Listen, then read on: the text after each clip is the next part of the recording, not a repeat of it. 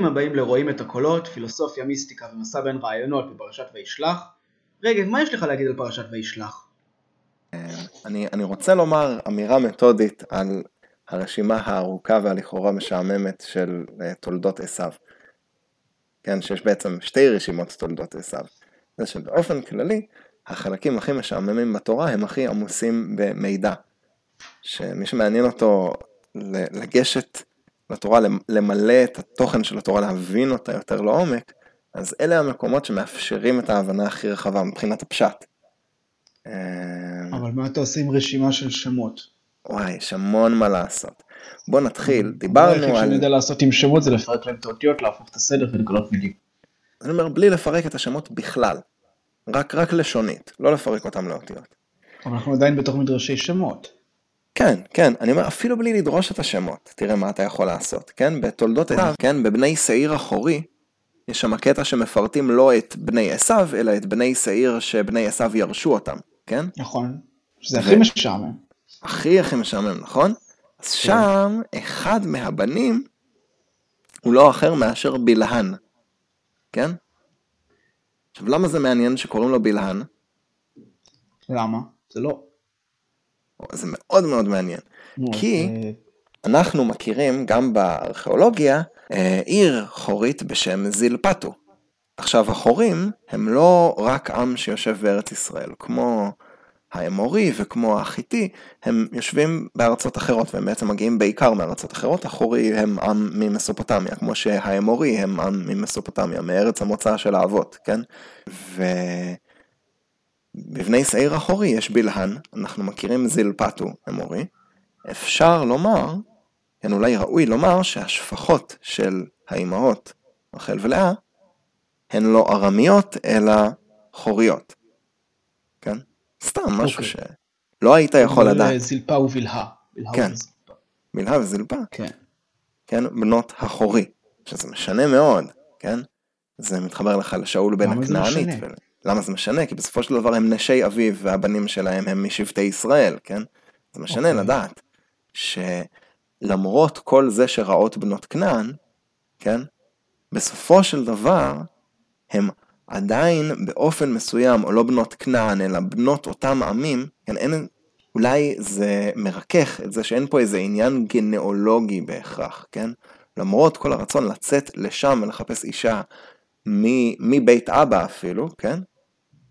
שהוא דווקא לוקח אישה ממשפחתו, כי הם אה, משפחה יותר צדיקה ויותר לא יודע מה, א', מסתבר שהמשפחה הזאת לא כזאת צדיקה, שלבן הוא בכלל בכלל לא מה שיעקב ציפה שהוא יהיה, מחד, ומאידך, בפועל ארבעה משבטי ישראל אה, יצאו כנראה מנשים חוריות, אבל חוריות משם, לא מפה, לא מהחטאים של ארץ כנען.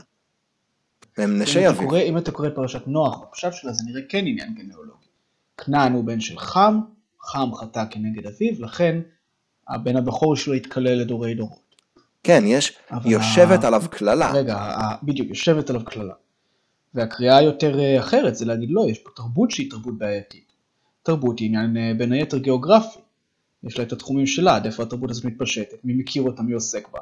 ובמקומות אחרים לא עוסקים בה. אגב, צריך לומר... ל... רגע, ההתנגדות שלנו לתרבות הכנענית היא בגלל העוולות והעיוותים שהיא עושה. אה, וגם את בניהם ובנותיהם שרפו באש לאלוהים, כמו שאומר. צריך לומר, גם במישור הפשט של התורה, כן? בעושה מעשה אביו, כן? גם על עמלקי אנחנו אומרים את זה אפילו, כן? שהקללה, כן, מחיית זכר עמלק זה כשעמלק הוא עמלק, עמלק שהתגייר מקבלים אותו? כן. כן? כן, באופן כללי קל להגיד את זה, כשנכנסים לפוסקים לא תמיד זה כזה פשוט, אבל עם העיקרון אני בטח מסכים. אז אני אומר, יש צד כזה בכלל, עכשיו בפרט, גם בפרשה של בני כנען בלוח הגויים, שם בפרשת נוח, גבול הכנעני הוא מצידון בואכה גררה עד עזה בואכה סדומה ועמורה ועד מאות צבועים אה, עד לשה, כן? זאת אומרת שארץ החורי ובפרט חרן מחוץ לגבולות האלה. אז לצורך העניין יש אמורי שהוא לא האמורי המקולל בין כנען ויש חורי. אתה גם נותן לי יותר משמעות למה התורה נכנסת גם לגבולות. כן, של האנשים האלה. כי הגבולות האלה הם הגבולות של כנען הארור, שהוא נכנע לפני ישראל, שהוא נהיה להם לעבדים, לעבד כשהם נכנסים לארץ. שאני לא, אין לי את המפה בראש, האם אלה גם הגבולות של הארץ המובטחת? הם הגבולות של ארץ כנען. הבנתי, הארץ המובטחת היא קצת יותר רחבה מזה. הבנתי. אבל אם, אתה, אם כשאתה אומר הארץ המובטחת, אתה מתכוון כמו הנוצרים לברית בין הבתרים. כן, כי זה ביטוי נוצרי שהוא מתכוון לברית בין הבתרים. אז אם אתה מתכוון לארץ המובטחת כן, אני התכוונתי לזה, אז- הארץ כן, שאברהם מקבל. וואו, אז, אז, אה, כן, אז כל זה לא היינו יודעים. כל זה לא היינו. יודעים, אם לא היה, אם לא היה את אה, פרשת אה, תולדות עשיו. יש שם עוד המון דברים כן, מאוד אבל כל מאוד זה גם לא מעניינים. היינו יודעים אלמלא היינו חופרים אתרים שבמסופוטמיה, כל זה לא היינו יודעים אלמלא היה לנו גישה לידע אה, האשורולוגי והבבילוני. לא, למה? אפשר לדעת את זה רק מהמילה בלהן. אפשר לנחש את זה רק מהמילה בלהן. אוקיי. לא צריך את זלפטו בשביל זה, זלפטו נכון, זה אני עוד תוך כדי חיזוק. מסתכל פה על יתרן ועוד שמות מעניינים. מהמם. ממש. כן. או, או הוליבמה, זה ממש מספר סיפור, כן? או הליבמה. יש, יש שם המון, יש שם כל כך הרבה. תשים לב גם שהנשים שלו פה לכאורה לא, לא מותאמות לנשים שהוא נשא בתחילת הסיפור הקודם, כן? לפני uh, סיפור גנבת הברכות הוא הרי נשא שתי נשים. כן, יש לנו את חיתיות. הסיפור עם אה, אה, מוחלט ובוסמת. מחלת ובוסמת שמתחלפות ביניהם, האם אתה מתכוון לזה? לא, עזוב, הם גם מעמים שונים. יש שמה הוא נכון, האבות נשא. את יהודית בת בארי החיתי ואת בוסמת בת אילון החיתי. עכשיו פה הוא נשא את עדה בת אילון החיתי ואת אוליבמה בת ענה בת צבעון החיבי. אז נניח שעדה זאת בוסמת, נניח, אה, אבל מה קרה ל... כאילו מה קרה ליהודית ומאיפה הגיעה אוליבמה, נכון? תעלומה. אז משפחת עשיו עברה הרבה מהמורות, כן, אפילו בתוך פרשת uh, תולדות כן. עשיו ואדום, שיש כן. שני ספרי תולדות, כן, יש אלה תולדות עשיו ואדום, ויש שוב, uh, כן, uh, אלופי אדום. ולא, ואלה תולדות עשיו אבי אדום, בהר שעיר, כן, יש את תולדות עשיו כאילו פה בארץ, ואז יש אלה תולדות עשיו בהר שעיר, כשהוא יצא מהארץ, כן? מהמם. וגם שם יש הבדלים, כן? אמ, אבל כאילו כבר כשהוא היה כאן, הוא לקח אישה חיבית, וכשהוא יצא לשעיר, הוא עוד המשיך לקחת מהחורי שהוא החיבי, ואז אולי זה מפתח להבין שהחיבי, כן, משבעת עממים, כמו שאמרתי, קשור לחורי שהוא מהעמים אפילו ממסופוטמיה, כן? אולי זה בעצם חילוף אותיות בין ו' לר'. כן. סתם, יש המון אני המון לא מה- בדקתי את זה בפנים בעצמי, מהמם, אבל אה, מי שלמד את זה אמר לי שאם מסתכלים שם, אה, אני חושב שרש"י אומר את זה, מהמם. אם מסתכלים על הפרשיות האלה לעומק, רואים שם אה, דברים בלתי אפשריים, שכדי לתרץ אותם צריך להגיד שיש שם לא מעט גילוי עריות. לא, זה הרשב"ם תירץ את זה. כבר פתר את הבעיה, הרשב"ם פתר את סנגר על הבעיה. עשיו וביתו. אמ, כן, יש שם קטע, אני, אני אשלים את ה... אם- אם לא זכרת, יש שם קטע נפלא, שכתוב, ויהיו בני אליפז תימן עומר צפו וגעתם וכנז, ותמנע הייתה פילגש לאליפז בן עשיו.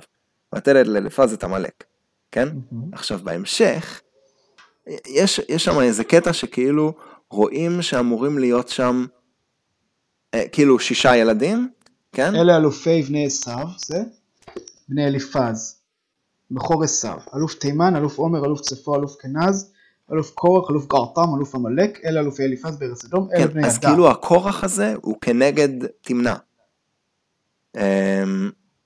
כן, יש שם כאילו אחד מיותר, הכורח הזה זה לכאורה תמנע. כן, צפו וגעתם וכנז ותמנע. כן? עכשיו זה בני אוקיי. אליפז. ה- אוקיי. התירוץ של רש"י שם הוא לומר שאליפז שכב עם הבת שלו. אוקיי, כן? אמ, כאילו לא כזה אוקיי, אבל אני מבין. כן? ושספציפית שהיא הבת שלו מבני שעיר אחורי. למה שהוא יגיד את זה? כי גם ברשימת בני שעיר אחורי יש לנו, אחת. יש לנו, אה, ואחות לוטן תמנע. נכון. כן? קצת יש כמו, אה, אה, כן. קצת כמו נעמה, ואחות תובל קין נעמה, אז ואחות לוטן תמנע. זאת הדוגמה המפורסמת של רשב"י לאיך הוא אוהב את כל פסוקי התורה אותו דבר, כן? נכון, נכון, נכון. ואחות לוטן תמנע. הקטע הכי משעמם בתורה, כאילו, ואחות לוטן יש תמנע. לי סיפור על זה, אבל אולי עוד מעט. אז אני אומר, בוא נתמקד שנייה בחלק הכי משעמם בתורה, ואחות לוטן תמנע. כן? אז הוא רוצה לומר, למה אחות לוטן? כי היא לא אחותו מאבא, למה? כי עוד אליפז יותר מיוחד בא על... מזה, הרמב"ם מביא את הרשב"י הזה. כן, הרמב"ם אומר שלא תחשוב, כל פסוק בתורה יש לו סודות נפלאים, אם אתה לא מבין אותם אז אתה צריך להתפלל על זה ולקלוט את החסרון בעצמך, ואין שום הפרש בין שמע ישראל לאחות לוטן תמנע. זה נורא חשוב לרמב"ם, כן, עקרוני. כן. אמ, ומזה רואים שהרמב"ם הוא לא פשטן, הוא איש סוד, זה פשוט סוד אחר. כן. יש, יש לו תקוות מהפסוקים. אמ, כן. מה רציתי לומר? אז ואחות לוטן תמנע, אז רש"י לא, רוצה אני לומר... תמיד חשבתי שמי שומר את הדברים האלה זה מי שרואה את התורה כקוד, כמו רבי עקיבא ורשב"י תלמידו, שרואים את התורה כ...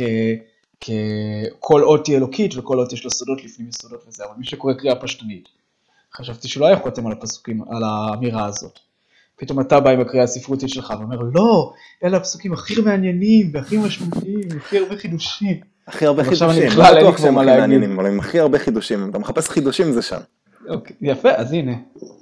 אז הנה. אז רש"י ירצה לומר שאחות לוטן תמנע, היא אחותו מאימא ולא מאבא, אבא שלה זה אליפז, ואליפז בא עליה שהיא הבת שלו, ואז יצא ממנה עמלק. אז זה יפה, כי מאוד זה חשוב להגיד יוצא. שעמלק הוא... עמלק הוא, וואו. איזה כן, אה, ממזר עמלק, כן? בדיוק. אבל אה, ממזר. לא חייבים לומר את זה. אם, אם תסתכל בדברי הימים, בפסוקים המקבילים, יש מקום רחב לומר שהתמנע הזה צריך להיקרא פעמיים. יש קטע קיבוץ כזה שקורה כשפסוק מסתיים ומתחיל באותה מילה, יש את זה עם בני מנשה, כן? חצי שבט המנשה, יש את זה איפשהו ביהושע, שכתוב חצי שבט המנשה בתחילת פסוק, וזה על שני חצאים שונים. כאילו הפסוק הקודם היה אמור להסתיים בחצי שבט המנשה, הפסוק הבא אמור להתחיל בחצי שבט המנשה, זה בדיוק שני החצאים השונים, אבל במקום להיות כתוב פעמיים זה כתוב רק פעם אחת. אוקיי, צריך חסכוני. לקרוא את זה לשני העברים. חסכוני. אז אתה יכול לומר שזה חסכוני, ואתה יכול לומר שזו טעות סופר. כן. אמ, אז הייתה לו בת שקוראים לה תמנע, והייתה לו פילגש מבני שעיר האחורי, שממנה נולד עמלק. כן? אה, יש שתי תמנות. כן. עכשיו אתה לא חייב לומר את זה. אם אתה דרשן אמיתי... לא, תמנעות, סליחה. כן, תמנעות.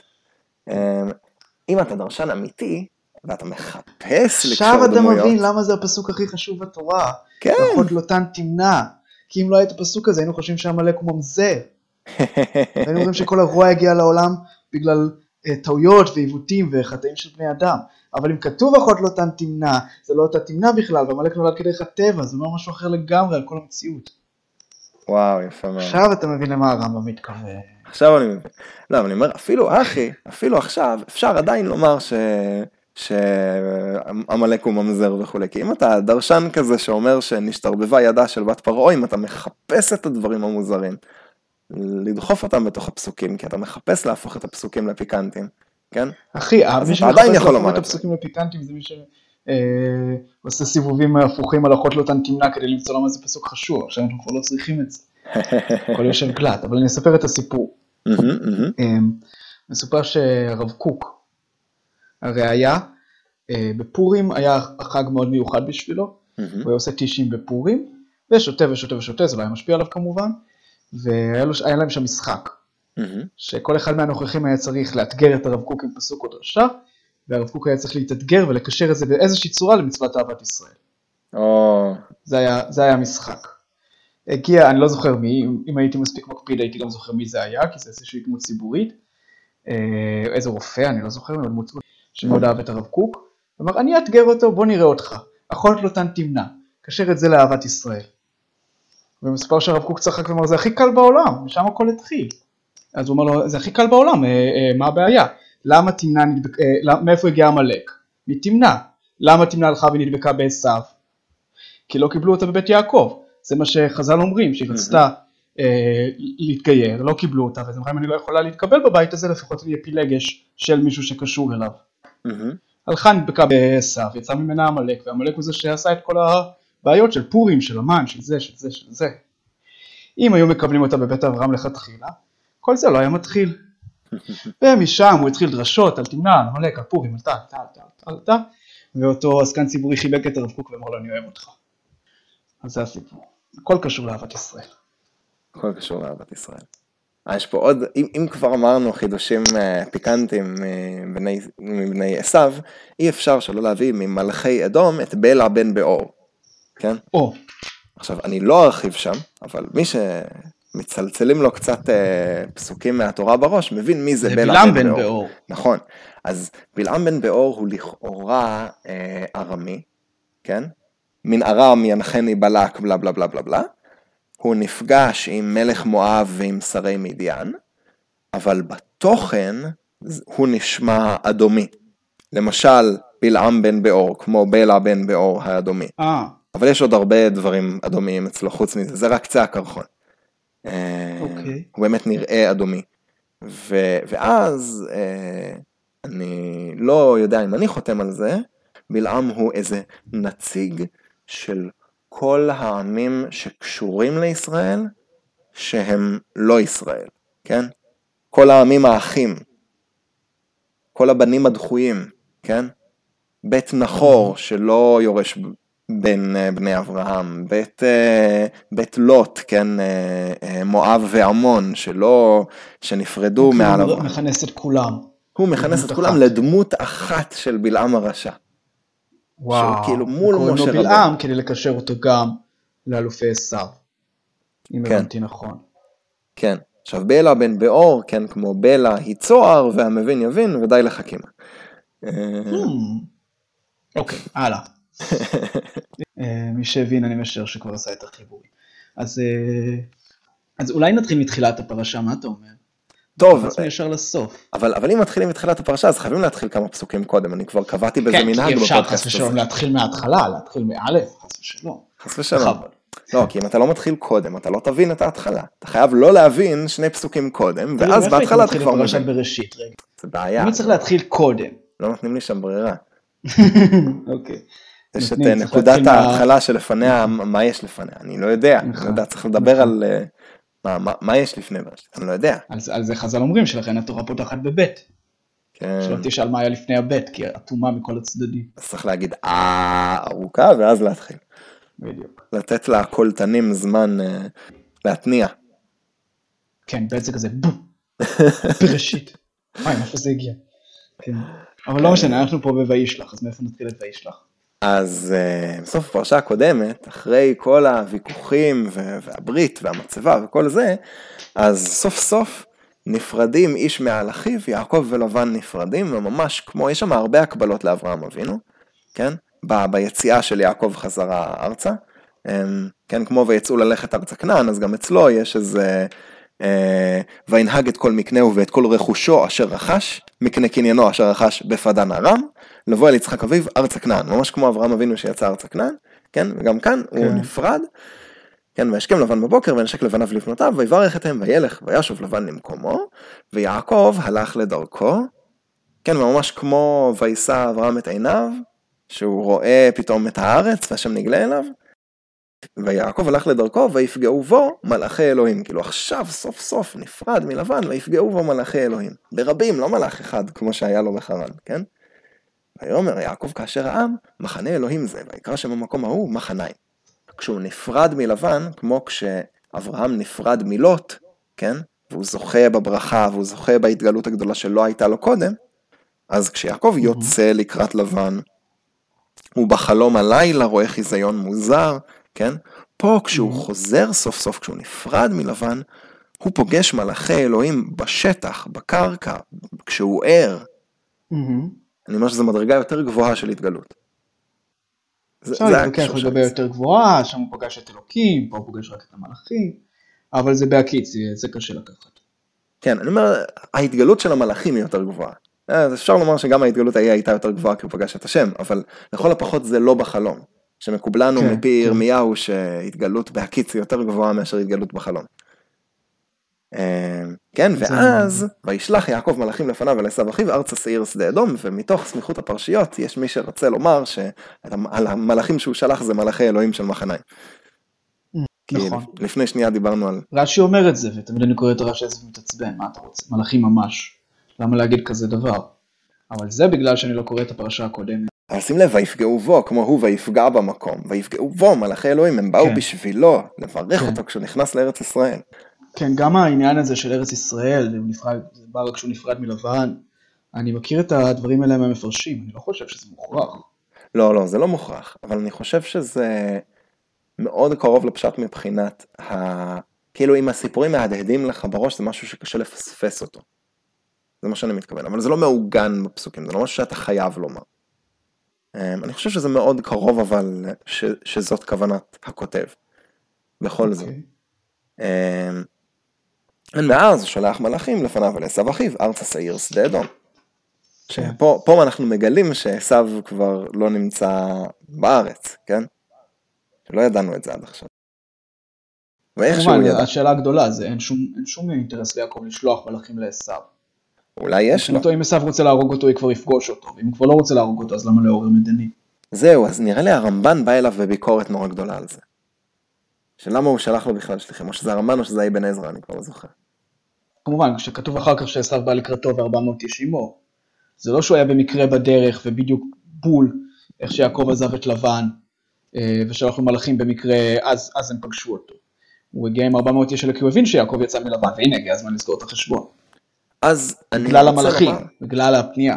אני רוצה לומר שא', אה, קשה לומר מהפרשה למה בדיוק יעקב שלח לעשו, הייתי אומר בפשטות שזה מוכרע בהמשך, אז אולי אני אתאפק מלומר את זה, אבל אני רוצה לומר גם שנקודות המבט בפרשה הזאת הן קריטיות. יש פה כמה נקודות מבט, כן?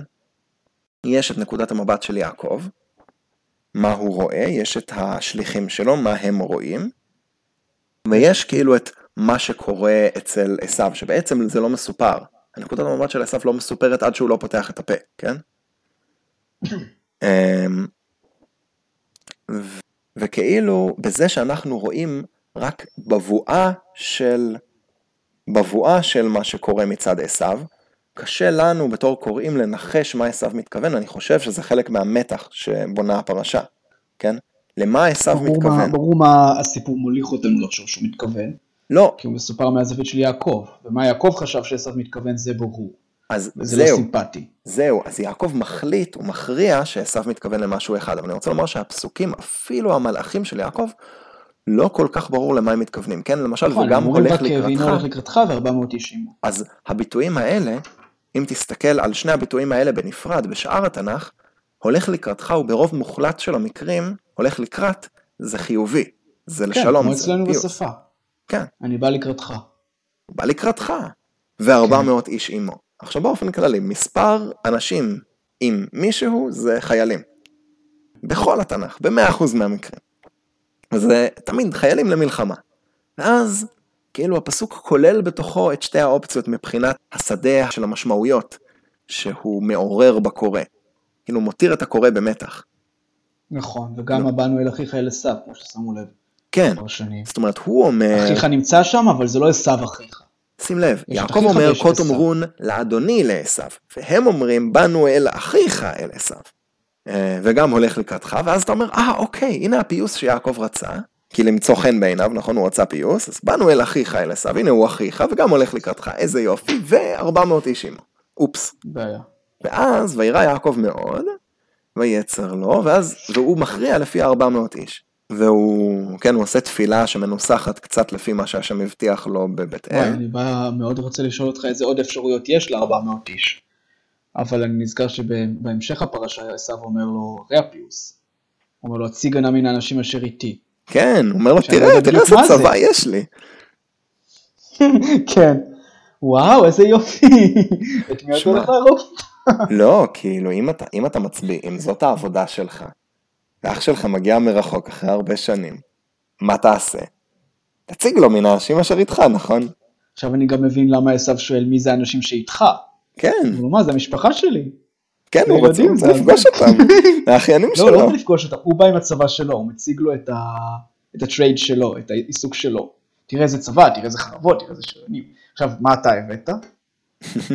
וראש, אה, יעקב וראש אחר לגמרי, הוא עם המשפחה שלו. כן. עם הילדים שלו, עם אנשים שלו. אה, והוא כל כך פוחד והוא כל הזמן חוזר על זה כן כי ירא אנוכי אותו פן יבוא והיכני אם על בנים אבל ואז הוא מחלק להמון המון כאילו אתה רואה כמה צאן ובקר וגמלים וחמורים יש לו כאילו לעומת מה שהוא אומר שוב הוא אומר בצנעה הוא אומר ויהי לי שור וחמור וצאן ועבד ושפחה. כן שזה כאילו רק אחד מכל סוג שזה בא לדבר על קצת. כן. אגב, שים לב שלא יעקב ולא אף אחד מהאבות לא נותן ולא מוכר עבדים. אף פעם. אוקיי. גם יעקב אבינו פה, אפילו שהוא אומר עבד ושפחה, הוא לא נותן לעשו עבד ושפחה. יש לאבות איזה אוקיי. עניין להשאיר את העבדים אצלם, שזה אולי רמז לאיזושהי סלידה בכלל מהסחר בעבדים. שהרבה פעמים כשעבד אה, נגרר ממקום למקום, אז הערך של העבד יורד ולכן המעמד שלו יורד, ולכן אה, במונחים מודרניים ה- זכויות האדם שלו יורדות. בדיוק. למי שקרא קצת מהספרות אה, הפופולרית של תקופת אה, מלחמת האזרחים באמריקה, אז אה, יש שם הרבה ביקורת כזאת. זה שעבד אה, מתחיל עם איזה אדון נחמד, ואז האדון הנחמד אה, מת, והוא נמכר ונמכר ונמכר, עד שהוא מגיע למישהו שמתעלל בו. ורוצים לומר שהאבות שלנו, לא שהם התנגדו אה. באיזושהי צורה פוליטית לעבדות, אבל נותנים להם עבדים בתור מתנה, והם לא נותנים אותם חזרה לאף אחד. מצמצמים את העבדות, מצמצמים את, ה, את הסחר בבני אדם, עד כמה שהם יכולים. הוא מצווה כל אחד ועושה את זה מדורג. אה, ו... טוב, אני, אני לא אתאפק ואני אומר או, שהוא אומר, אומר לו, קח נא את ברכתי אשר הובט לך, כן? אה, קח נא את ברכתי אשר הובט לך, וזה לא מה שהוא היה אמור לומר. כל הזמן המילה שחוזרת פה היא מנחה, כן? לקחת ברכה זה מוזר, ברכה זה מופשט, נכון? אני לא מכיר על כל פנים ברור שמה שאתה רומז אליו עוד לא אמרת, מהמם. הוא מהדהד בכל האולמות, כי כל הוויכוח שלהם היה על הברכה, כן. שיעקב גנב מעשיו. זאת אומרת, יכול להיות שהסיבה שהוא פנה אליו זה כי הוא מרגיש אשם, ויכול להיות שזה שהוא מחליט שעשו בא להרוג אותו, זה לא בגלל שהמידע שנמסר לו מורה לו שעשו בא להרוג אותו, אלא כי הוא מרגיש שמגיע לו למות. אתה כל הזמן חוזר על זה, שיעקב הוא אשם, שיעקב חטא, שיעקב גנב, שיעקב רימה, אני לא חולק איתך על העובדות. אבל אצלי כל הזמן יושב בראש הסיפור הזה, שהוא ישב לו באוהל שלו, וליטף את הצאן שלו, באה אימא שלו ואמרה לו, תשמע, אנחנו בבעיה, תתחיל, תתחיל לעבוד. הוא אומר לה, אני לא רוצה. היא אומרת לו, תשמע, אין ברירה, זה ממש שעת חירום. הוא אומר לה, אבל מה אם זה לא יצליח? היא אומרת לו, "לא, לא, תעשה את זה. ואז הוא עושה את זה, הוא, הוא כאילו סוג של נקלע לזה, אני מסכים איתך שהוא עשה את זה בכוונה ובמודעות, אבל זה לא היה היוזמה שלו. אז נגיד לצורך העניין, אני מסכים עם הקריאה שלך שלקחנה את ברכתי. אה, למרות שאני אסתבך איתה בקריאות היותר קבליות חסידיות, אבל מהמם. נגיד נניח לזה. מהמם. אבל אני קורא את זה אחרת, הוא מבחינתו לא רצה את כל זה. הוא פונה לעשו כי הוא רוצה להתפייס איתו, לא רק אה, פיוס אה, פוליטיקר של בוא נהיה בסדר אחד עם השני עכשיו אחרי כל השנים. הוא באמת לא התכוון לקחת לו את מה שנדמה לו עכשיו שהיה כל כך חשוב לעשו. הוא אומר לו, קח את זה חזרה, לא רוצה את זה, לא התכוונתי לזה. אה, כמובן, בניגוד לאמא שלו ואבא שלו, שעבורם זה מאוד חשוב להתפרך. כן. ו- ושים לב, כן, שזה אחרי, כאילו, קולמינציה של מה זה, זה סוף של ויכוח, כן? ויכוח סמוי, אבל ויכוח, שהוא אומר, אה, כן. כן, שהוא שואל אותו מי אלה, הוא אומר, כאילו, אה, הילדים, זה משתחוות מציג את כל, את כל המשפחה, ו... כן, ואז הוא אומר, ויאמר, מי לך כל המחנה הזה שפגשתי? ויאמר, למצוא חן בעיני אדוני. זאת אומרת, הוא רוצה לתת לו את זה מתנה, את, את הכל, כן? ואז ויאמר עשיו, יש לי רב, אחי, יהי לך אשר לך. הוא מתפלא עליו. ואז, כן, הוא נותן את הנאום, אל נא אם נא מצאתי חן בעיניך ולקחת מנחתי מידי, כי על כן ראיתי פניך כראות פני אלוהים ותרצני, קח נא את ברכתי אשר הובט לך. כי חנני אלוהים וכי יש לי, וכי יש לי חול. כן? זאת אומרת, לעשו יש רב, אז ליעקב יש קול. הוא אומר את זה כתגובה ליש לי רב. הוא אומר לי, יש הכל, אפילו יש לי יותר מרב, קח, בבקשה. ויבצר בו ויקח. מצליח לשכנע אותו. עם זה. עם מה קח נא את ברכתי ויש לי חול. כאילו חשוב לו נורא. שזה לש- ייקח את הברכה. כן, ואני שומע מה שאתה קורא בזה, אתה אומר שהוא מרגיש אשם, הוא רוצה להיפטר מהברכה. הוא, הוא מת להחזיר כבר את הגלגל אחורה. אז למרות שעשו לא רוצה, כי מבחינת עשו, יכול להיות, אנחנו לא יודעים. אבל שבשלב הזה זה, אה, הוא כבר שכח מזה מזמן, וזה כל העניין של אה, זה קצת אה, עוד נראה פרה ככה. אחת פחות פרה אחת. כן.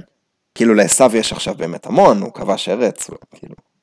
איש כן, מלחמות. מבחינת יעקב, הוא מת להיפטר כבר מהברכה הזאת, כדי שהוא יוכל להחזיר Mhm. את הדברים לקדמותם, ולכן הוא מפציר בו לקחת. כן. ככה אתה קורא את זה.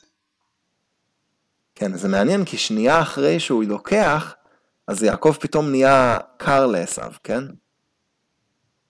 הוא מתקרר נורא. כאילו, היית מצפה שהם יהיו כאלה ידידותיים אחר כך. אבל הוא אומר, כאילו, בוא, בוא נלך ביחד, אז הוא, הוא נותן לו איזה תירוץ והוא הולך. שזה מעניין, נכון. כי היית מצפה שאחרי הפיוס תבוא איזו אהבה גדולה, אבל לא. כאילו, יעקב ממשיך את הקו, כאילו הוא מבין כבר מסיפור לוט וישמעאל ו... ולבן, שהוא צריך להתנתק להיפרד. מכל מי שלא שייך, להיפרד, מכל מי שלא שייך בברכת אברהם. אני חושב, לא, לא יכול להיות בטוח. זאת קריאה סופר דרשנית, זה מה זה לא כתוב פה, אז, כן, תמחק אבל את זה. כתוב שהוא היה קר אליו אחר כך. כן, זה בכל מקרה צריך. לפרש באיזשהו אופן. נכון. הקריאה המתבקשת זה שהוא היה קר אליו לאורך כל הדרך. מהמם. הוא לא, אה, לא באמת רצה איתו אחווה חמה וחוגגת. הוא רצה להיפטר מהסכנה לכל הפחות. או להיפטר מהברכה, או להפך. לתת לו איזה אה, שיחוד ודורון כדי שהברכה תישאר אצלו, לא חשוב. אבל אה, יוצא שכשמתנשקו ב- בסצנה הזאת של, אתה יודע, וישקהו, מהמם. שיש מחלוקת בחז"ל אם הוא נשק אותו בלב שלם או לא, פה אנחנו צריכים לשאול אם יעקב נשק את עשיו בלב שלם. אני, אני רוצה לומר על, על דרך המחקר ש... בוא נדייק פה רגע, וישקהו, איפה זה? כן, אני רוצה לומר על דרך המחקר שלא בטוח שהוא נשק אותו בכלל. אה? הנקודות האלה מעל האותיות, כן. אה, בספרות ה- הלועזית אה, בזמן חז"ל, היה מנהג לשים אה, נקודות כאלה כשלא, כשלא בטוח שזה צריך להיות כתוב. אה, זה כמו ששמים סימן שאלה בסוגריים. כן. אה, זאת אומרת שיש אה, בו בעיית גרסה. אז ש- המסורה שבזמן חז"ל, ששמה את, את הנקודות האלה, היא לא הייתה בטוחה שהמילה הזאת אכן כאן. כן, כלומר יכול להיות שזאת השגרה נניח ממקום אחר, כן? כי יש נשיקות הרבה בסצנות כאלה, וכאילו יכול להיות שהוא רק חיבק אותו ויפול על צוואריו ויבכו, נניח, יכול להיות, לא בטוח. אני- בין אם אתה הולך עם זה ובין אם לא. ה- הנקודות האלה גם מה שעמדו לעיני הדרשנים ששאלו אם זה בלב שלם או לא, בלי נכון. לדעת את העניינים הפילולוגיים והטקסטולוגיים וכן הלאה. משהו עם הנשיקה הזאת בכל מקרה מזדקר לעין. כן. אה, אבל תראה, ויחבקהו בלב שלם, נכון? אין שם נקודות. רוס עשיו לקראתו, כן, ויחבקהו, ויפול על צוואריו. כתוב אה. צווארו בכתיב. נכון. וי- וישקהו ויבכו. טוב, שניהם בוכים, שניהם בוכים. שיעקב בוכה. אז לפחות לבכות הוא כן, אה, כן עשה, אבל אם הוא גם נשק את עשיו וגם חיבק את עשיו וגם נפל על צווארי עשיו, אני לא בטוח. כאילו אפשר לקרוא את זה שעשיו הוא טיפוס להוט, אנחנו יודעים את זה. הוא כן. מתחמם. רגע אחד הוא רוצה להרוג את יעקב, יכול להיות שאחרי שיעקב הלך לפדן ארם הוא כבר שכח מזה תוך כמה ימים. לצורך העניין אני אומר. עכשיו הוא רואה את יעקב, הלב שלו בוער, והוא, והוא רץ אליו ומנשק אותו באהבה אמיתית. כן, אבל יעקב יודע שזה רק לפי שעה. כאילו סתם, יכול אני, מפליג עכשיו בדמיון שלי, אני מנסה להבין מה קורה כאן, למה הוא התקרר אליו כל כך אחר כך. ברור שמבחינת יעקב כל הסיפור היה לצאת בסדר עם עשיו. בהתחלה הוא פחד שהוא יהרוג אותו, הוא עשה את כל הפיוסים, כל הדיפלומטיה, כל ההשתחוויות, ואחרי זה הוא מדבר איתו בלשון הכי רכה והכי נחמדה, אבל בעצם הוא אומר לו, אני לא רוצה לראות אותך יותר. כן. אני חשוב לי להדגיש את הפיוס, כאילו, הוא ממש רוצה לכפר על הברכה שהוא מרגיש שהוא גנב, כן? הוא רוצה לתת לו אה, פיצוי, כאילו. כן, פה אני לא בטוח, למרות שאני אני רואה את המילה שהצבעת עליה, קח את ברכתי. אבל מה זה קח את ברכתי? מה הוא נותן לו? צאן ועבד ושפחה. נכון, זה מה שיש לו לתת. זה מה שיש לו לתת, אבל מה, על מה היה הוויכוח? מה הייתה הברכה? איך שלא נפרש את זה? או שהברכה הייתה על האהבה של אבא, או שהברכה הייתה על כל מה שנאמר בברכה, שזה הרבה יותר מהצאן ועבד והשפחה האלה. מבחינה כלכלית, או שהברכה הייתה ברכה אלוהית, כמו אה, או ברכת הארץ, או ברכת אה, אה, ההמשכיות האלוהית. איך שלא יהיה, זה לא הצאן והעבד ושפחה הקטנטנים האלה ש, שיעקב נותן לו ושבאמת הוא לא צריך. לכן אני אומר שיכול להיות שהוא אומר לו, קח נא את ברכתי כסוג של שוחד, עוד רמאות. סליחה שאני הורס לך. הוא אומר לו, קח נא את ברכתי, אם עשיו יסכים, אז בזה מבחינת, מבחינת החוזה נגמר הסיפור. כשבפועל יעקב משאיר אצלו את הברכה האמיתית. מעניין. אני, אני בוחר אה. לקרוא את יעקב הפעם בצורה יותר uh, מסנגרת מזה. ברור, שהוא כי זה באמת מאפשר לך להגיד שהוא הרגיש אשמה. והוא באמת רוצה לא לכפר, רצה. וזה באמת הכי טוב אני- שהוא אז יכול. אני אגיד לך מה אני חושב עכשיו. מהמם, אה, הכל בגדר דרשות, כי אנחנו לא יודעים מה היה שם. פרשה כן. מורכבת. אבל למ- למה, למה ויבכו? למה שניהם בוכים? מהמם, לרוץ רק עשיו רץ. מהמם. אה, טוב, יעקב הוא על הרצפה, כן? הוא עבר לפניהם. בוא נהיה ריאליים שנייה. עובר, עובר ומשתחווה, הוא עובר, הוא לא כן. רץ. עשיו רץ, עשיו מחבק, עשיו נופל על צווארו, עשיו מנשק, ושניהם בוכים, למה? שעשיו הוא באמת טיפוס אה, אה, אימפולסיבי, וכרגע הוא מרגיש המון אהבה ליעקב. בזכות כל השידולים האלה, בזכות זה שהוא רואה אותו פעם ראשונה אחרי כל השנים, בקטע טוב. והוא רץ אליו, ובאמת, הוא מבחינתו מחבק אותו עכשיו בלב שלם. אבל יעקב בוכה כי הוא יודע שמבח... ש... שזה רגעי עדיין, שעוד לא הגיע הפלוס השלם. והוא שהוא טיפוס הרבה יותר מעמיק ורגיש, הוא לא יכול עכשיו אה, לעשות כאילו זה הסוף, והכל עכשיו בסדר. כי הוא יודע שעוד שנייה הם, הם יחזרו להיפרד, אפילו אם לא בקטע שהיה, שרצו להרוג, אבל שהם עוד לא הגיעו לסוף של עד אבוא אל אדוני שעירה. של האחדות הגמורה בין יעקב לעשו, ובין קין להבל, ובין כל הדברים האלה. שהיא עוד לא שם, אז לכן הוא בוכה. בוכה כי מצד אחד זה באמת מאוד מרגש, זה כאילו בכי כפול, מצד אחד זה באמת מאוד מרגש. מצד שני הוא יודע שזה לא זה עדיין. אז התגובה הרגשית היחידה זה, זה להיות שם ולבכות. ולהמשיך את השפה המאוד רכה והמאוד נחמדה, אבל גם לא להסכים לזה עד הסוף. וואו. צריך גם לומר אה, שבאופן כללי יעקב בכל הדרכים האלה, בין אה, כן ישראל לעמים, בין אה, מי שבפנים למי שבחוץ, הוא, הוא פוגש אלוהים ומלאכי אלוהים הרבה. אה, ויש לנו את זה גם באמצע הפרשייה הזאת, כן? כן. וזה אולי החלק ה- המשמעותי ביותר, כן, זה שפותר, יש את המתח לפני ואת הפיוס אחרי, ובאמצע יש את מעבר יבוק. בלילה. בדיוק. מעבר יבוק והקטע המאוד לא ברור. כדרכם של דברים שמהפכים כן, מדבר לדבר. אה, אגב, כתוב איש כמובן, אנחנו צריכים להתחיל מזה, לא כתוב שהוא היה מלאך. כן. זאת אומרת, מה יש לנו? הוא באמצע הלילה, כן, אחרי שהוא כאילו הכין את המנחות והזה שהוא ייגש לעשו, כן, ויקום בלילה, הוא, ויקח את שתי נשיו, את שתי שפחותיו ואת 11 ילדיו, ויעבור את מעבר יבוק. עכשיו, אני לא אכנס בדיוק לגיאוגרפיה, אבל יש מקום רחב לומר שהוא פשוט התחרט. שהוא נלחץ והוא החליט לברוח. אה, מבחינת איפה שהוא נמצא, מעבר יבוק זה יותר אחורה. כן. אני אומר, אפשר לומר מעבר ככה. יש שני צדדים. אפשר, אפשר לסדר את זה אחרת, אבל אפשר גם לומר ככה. זה... צריך בכל מקרה לתת הסבר למה הוא עובר שם דווקא בלילה. כן, זה נכון. נראה כאילו מנסה להתגנב לאן שהוא. אם הוא היה ניגש לעשו כאילו בגלוי, אז אולי הוא לא היה עושה את זה. אבל הוא אומר, אם יבוא עשו למחנה האחת והיכהו והיה המחנה נשאר לפלטה, אז אולי הוא רוצה לברוח. אולי הוא מנסה להציל את המחנה, כן? ושים לב שהוא גם, שהוא גם כאילו, הוא כבר לא, הוא לא חוצה את הנשים עליו, כן? נכון, הוא שם חצי פה וחצי פה מהילדים, הוא פתאום לוקח את כל הילדים ביחד, כן? כן, זה, זה נראה כאילו הוא התחרט. כן. הוא חד משמעית מחפש עכשיו פתרון אחר. ויקחם ויעבירם את הנחל ויעבר את אשר לו. כן, ואז אחרי שהוא מעביר את כולם בעצמו, בלי כל המקנה ובלי כל, ה... בלי כל אחיו שמוזכרים בפרשה הקודמת. ויאבק איש עמו עד עלות השחר. כן, כשהוא נתקע לבד, בצד הלא נכון כאן, כאילו, כן, בדיוק. ויאבק איש עמו עד עלות השחר.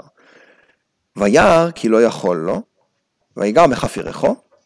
כן, עכשיו פה תעצור, כאילו, אתה לא יכול לדעת מי לא יכול למי, ובמי, בכף ירך מי נגעו, כן?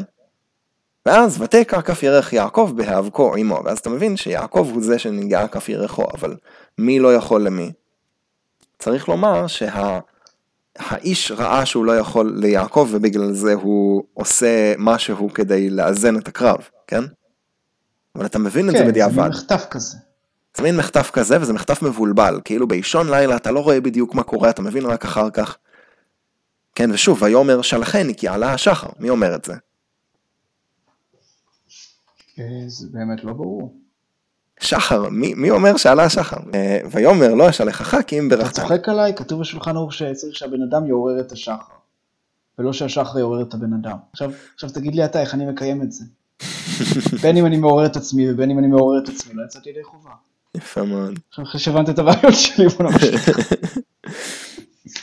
כן, אז מישהו אומר למישהו, שלחני כי עלה השחר, למישהו דחוף להמשיך הלאה בחיים, ומישהו אומר למישהו, לא ישלחך כי אם ברכתני. או, ואז מישהו אומר למישהו, ויאמר אליו מה שמך, כן? ומישהו אומר למישהו, יעקב. אוקיי, אז אנחנו יודעים מי זה יעקב. הבעיה, לא? למה הכנסת אותי לכל הסיפור? רגע, אז בוא נלך אחורה. נניח שמי ששואל אותו זה האיש, נכון? כן. ואז מי אומר לו אשלחך כי אם ברכתני?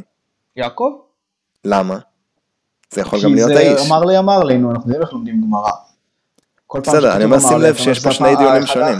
אתה עושה פינג פונג, אז יוצא שאם הוא אמר לו מה שמך. אז מי שאמר לו יש לך חכים ברכתני זה אחר, כלומר יעקב. אני אגיד את זה אחרת, כן? אה, אם יעקב אומר לו אשלחך כי אם ברכתני, כן? אז ויאמר שלחני כי עלה השחר, זה האיש, נכון? אבל כתוב. לפני כן, ותקע כפירך יעקב בהב כה עמו ויאמר. אז ויאמר זה יעקב, לא? לא. למה? תקע כף ירך יעקב, באבקו של האיש, עמו עם יעקב. נכון, עם ויאמר, יעקב, ואז אותו אחד ויאמר, שנאבק עמו, אה, שלחני, אותו אחד שנגע, אותו אחד שנאבק, אמר שלחני. אז אני רוצה לומר על דרך המקבילה בהושע, כן? אם, אם תסתכל בתיאור של מאבק יעקב ב, במלאך בהושע, שם זה נקרא מאבק במלאך, כן? אז כתוב שם, אה, ויסר את מלאך ויוכל, בכה ויתחנן לו, אה, ואת אל ימצאנו ושם ידבר עמנו, אה, וזה בתוך הקשר באופן כללי של ביקורת על יעקב. הוא כאילו יורד על יעקב בהקשר של נבואות הפורענות, הוא מספר את הסיפור של יעקב בצורה שהיא קצת מלגלגת, כן? אמ, וכאילו שם זה נראה בפשט קצת יותר שבכה ויתחנן לו, הכוונה שיעקב בכה למלאך. כן? עכשיו שים לב, גם אחר כך, כן, ויאמר לא יעקב יאמר עוד שבחה, כן, מה שמך ויאמר יעקב, והוא נותן לו שם חדש. וישאל יעקב, הוא רוצה גם להגיד אנא שמך, ויאמר למה זה תשאל לשמי?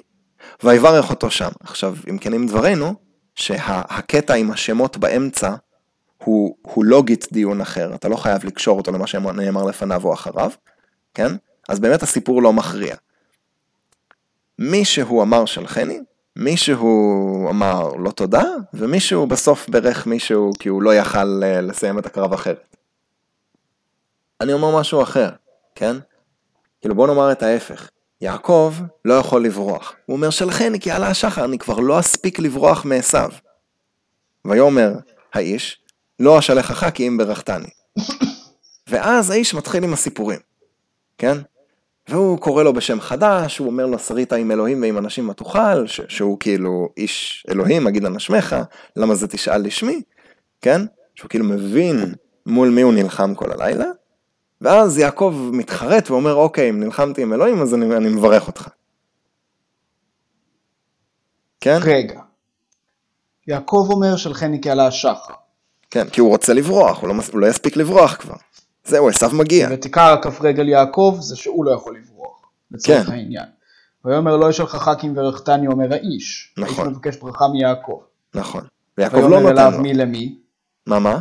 ויאמר אליו מי למי. אז בהתחלה זה לא מוכרע, זה נראה כאילו זה המשך.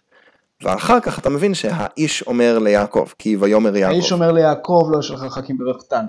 נכון. ואז במקום לחכות שיעקב יגיד לו סבבה. לא, לא, זה לא במקום לחכות, יש את זה בהרבה מקומות במקרא, שמישהו לא עונה, אז המישהו הראשון אומר שוב משהו. ויאמר ויאמר.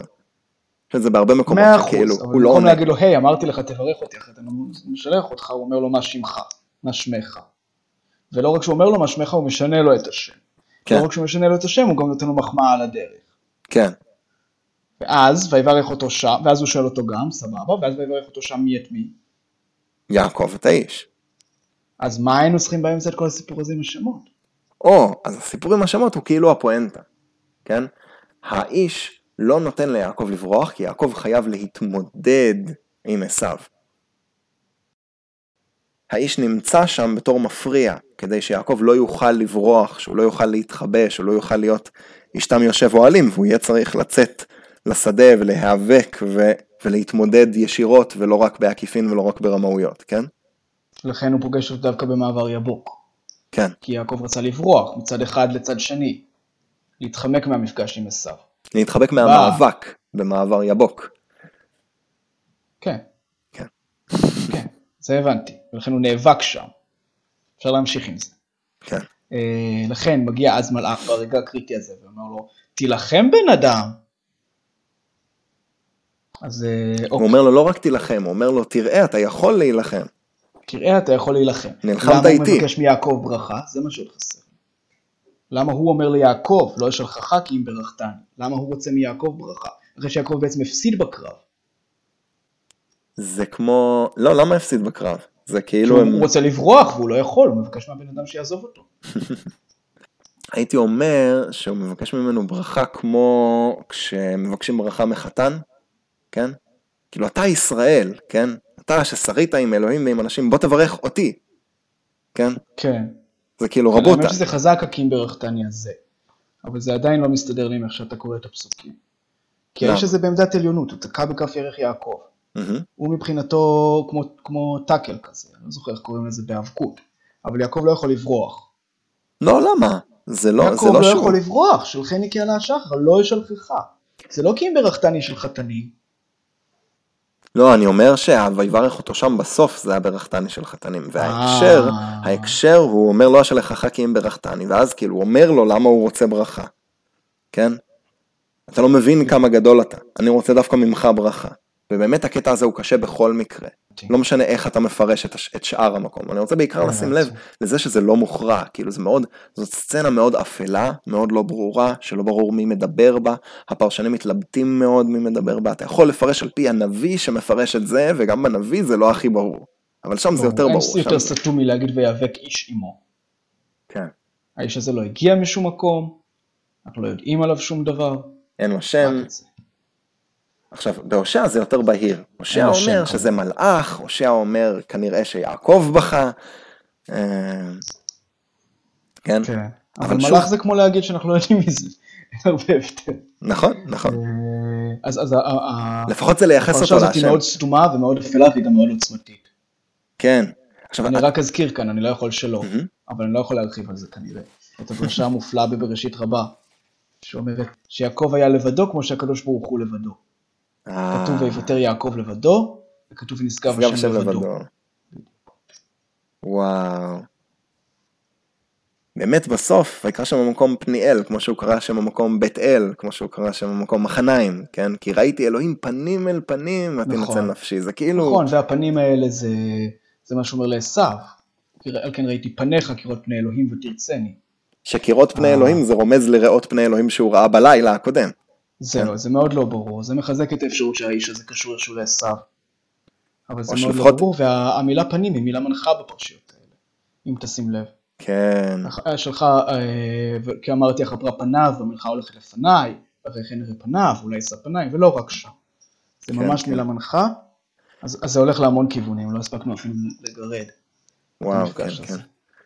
אמ, לא, זה באמת קטע עוצמתי. והצלחת להסיט כל כך את הדיון שלא הספקנו להגיע לאונס דינה. ברוך השם. ברוך השם. אבל צריך לומר שהאונס דינה זה באמת החלק הכי חשוב של הפרשה. אחרי כל זה, אחרי כל זה, אחרי כל מה שאמרנו. אחרי כל זה, פלסטינה זה ה... זה הלב של פרשת וישלח. וואו, כמה דברים אפשר לומר על. אונס דינה. אולי שנה הבאה. אני מתנצל. אה, ברור, ברור. לא, זה מכוון, זה הכל מכוון. אמ, אני שמח שהצלחנו להתחמק מזה. לא יכול הדברים האלה. אה, אני רציתי, אני נורא רציתי, אבל אה, לא, לא היה אפשר, היה המון מה להגיד על אה, דברים אחרים. טוב, אוי, יישר כוח גדול. יישר כוח, לילה טוב רגב, לילה טוב, שחר. שבת שלום. שבת שלום ומבורך.